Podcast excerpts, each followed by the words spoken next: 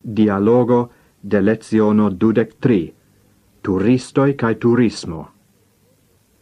Ĉu vi rimarkis ke la urbo estas plena de turistoj? Yes, plena. Hodiau matene unu turisto alparolis min. Li demandis, kie estas garaggio, por che li acetu benzinon.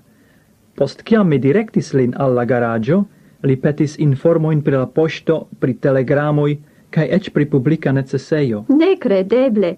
Eble vi aspektis kiel helpema policano. Pri tio mi dubas.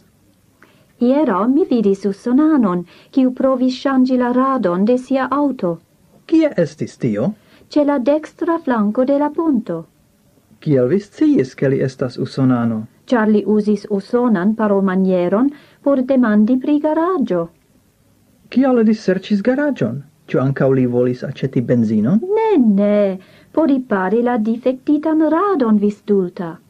Hmm, ciu vi scias, che dec milionoi da visitantoi venis al nia lando en la pasinta iaro? Tio estas grandega nombro, Ili venas el nordo cae sudo, el occidento, kaj oriento. Hieraŭ mi vidis ankaŭ tri japanoin, sur la benkoj apud la telefonejo. Ho, ciu vere? Sed la turismo estas malbone organizita en nia urbo. Ciu vi ne consentas? Anstatau lasi la visitantoin sen helpo, la urba consilantaro devus starigi turisman servon por helpi ilin. Yes, eble en la mezo de la ĉefplaco, aŭ en la stacidomo.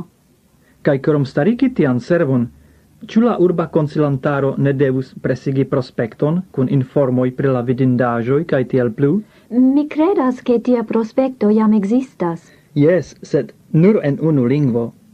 Gi devus esti plurlingva.